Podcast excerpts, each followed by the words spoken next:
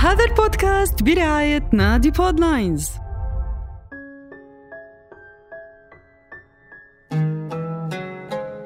قد يتذكر بعضنا طفولته في رمضان لكن لربما لا نتذكر كيف كانت بداياتنا مع الصيام كأطفال. تعالوا معي أنا نور الإيمان لنتعرف على تفاصيل أكثر عن صوم الأطفال لأول مرة في هذا البودكاست برعاية نادي البودلاينز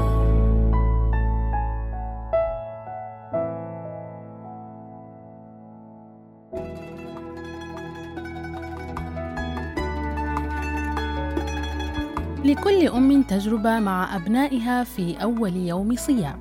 ستحدثنا بعض الأمهات عن تجربتها مع أطفالها لتعليم أبنائها فريضة الصيام.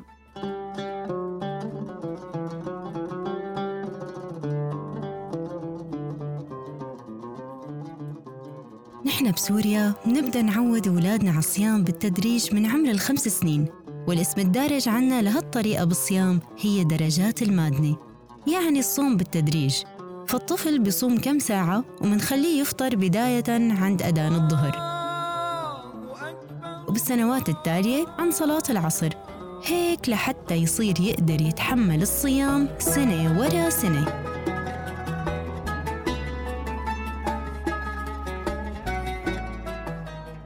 كانت هناك فترة صيام العصفورة. كنت نبدأ معاهم من بعد صلاة الظهر فكانوا يتسحروا بعد صلاة الظهر ويتم الصيام للمغرب. حتى لما نجلسوا مع بعضنا على سفرة الإفطار نستشعر لذة الصيام معنى الصيام واللهفة للماء وللأكل عند الله أكبر.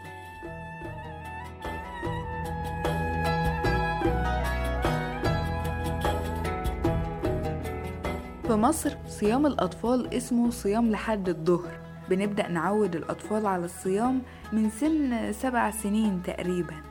في العموم ولادنا في السن ده بيحبوا يقلدونا قوي في كل حاجة. فلما بيجي شهر رمضان ويلاقونا بنصوم بيكونوا عايزين يصوموا زينا برضه. وبنبدأ مع الطفل بالصيام لحد الظهر اللي أكبر شوية لحد العصر. المهم عشان ما يتعبش بنعلم الصوم بالتدريج لحد ما ربنا يقدره ويصوم لحد المغرب.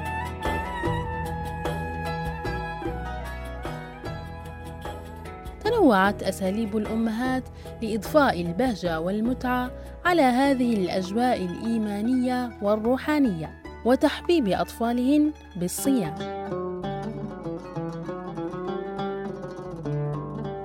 جو رمضان بحد ذاته جو ممتع للولاد الزينة والأجواء والعادات وفائة السحور ولا صلاة التراويح. وهون لازم نشارك الأولاد بهالأجواء والعادات حتى قبل ما يجربوا يصوموا لأنه ملاحظتهم إلها بتعمل عندهم دافع ليقلدونا.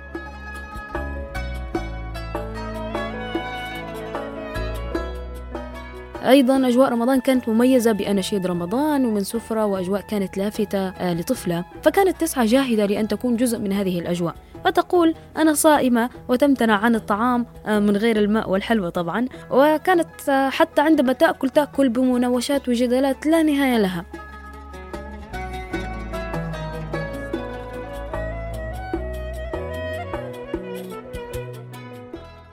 الشوارع بالزينة والفوانيس تعتبر مهمة مقدسة جدا عند الأطفال في مصر ولا فرحتهم بالمسحرات وطبلته لما بينده عليهم بالاسم.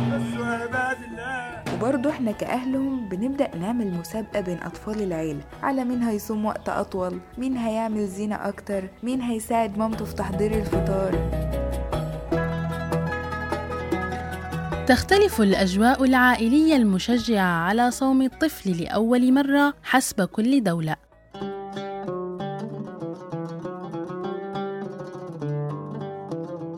بسوريا عنا عادة حلوة لمكافأة الطفل الصايم. بأول يوم بيصوم فيه الطفل حتى لو ما كان صيامه كامل منحتفل فيه المساء ومنعمل له صحن منسميه صحن الصايم. منحط فيه بعض الحلويات والأكلات الطيبة يلي بيحبها. يا لطيف شو بيصير عقله بهالصحن؟ بصير عنده هدف يصوم كل يوم لا يحصل على مكافأته المسائية وبيحطه الأب على كتافه وبيدور فيه بالبيت والكل عم يغني له ويصفق له.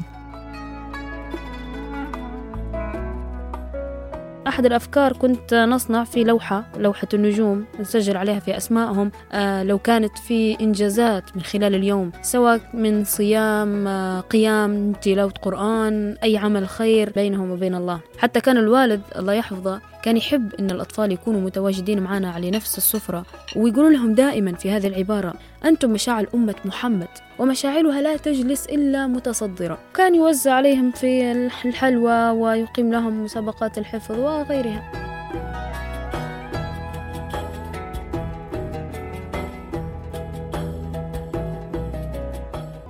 في مصر عشان نشجع أولادنا على الصيام بنبدأ نكلمهم عن الصيام الأول وإنه ركن من أركان الإسلام اللي ربنا فرضها علينا وإنه قد إيه مهم لصحتنا وعشان نحس بالفقراء ونساعدهم. وأيا كانت المدة اللي هيصومها الطفل خلال اليوم لازم نشجع ونمدحه قدام الكل ونحاول نكافئه بقى زي إننا نجيب له الكنافة والقطايف اللي بيحبها. أو لبس جديد يصلي بيه التراويح ونوعده إنه لو صام في كل الأيام وما فوتش ولا فرض هنجيب له هدية يوم العيد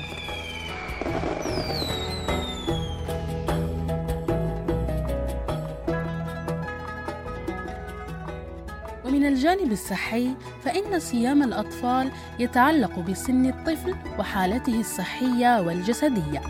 يسعدني أن أرحب بالدكتور مصعب والي المتخصص في طب الأطفال للحديث أكثر عن صوم الأطفال من الجانب الصحي.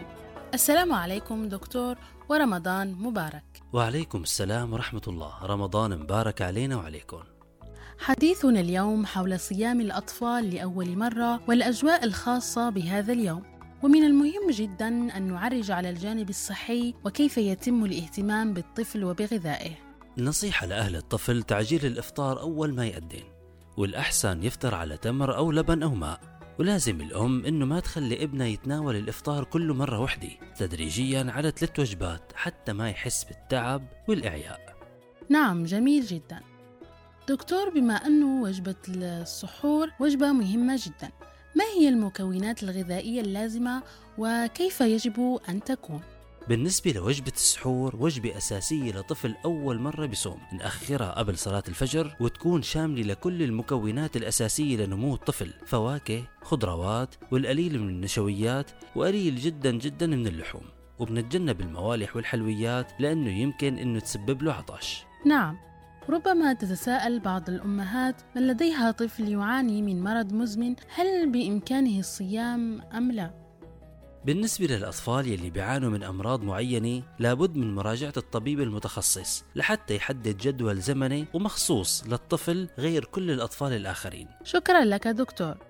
ما هي أهم نصيحة شاملة تقدمها لكل الأمهات؟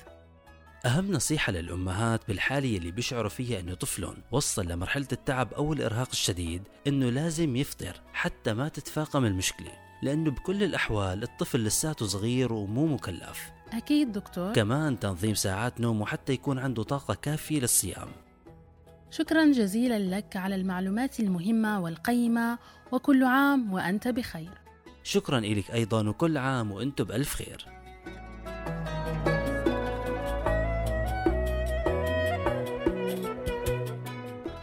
شهر رمضان المبارك. فرصة عظيمة لغاس حب الصوم في نفوس أطفالنا مع المحافظة على صحتهم الجسدية والنفسية.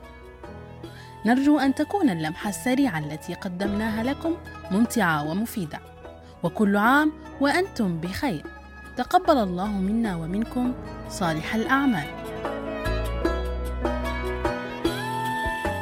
شاركني في هذه الحلقة رخاء الحرش آية هاني صفاء سليم ومصعب والي.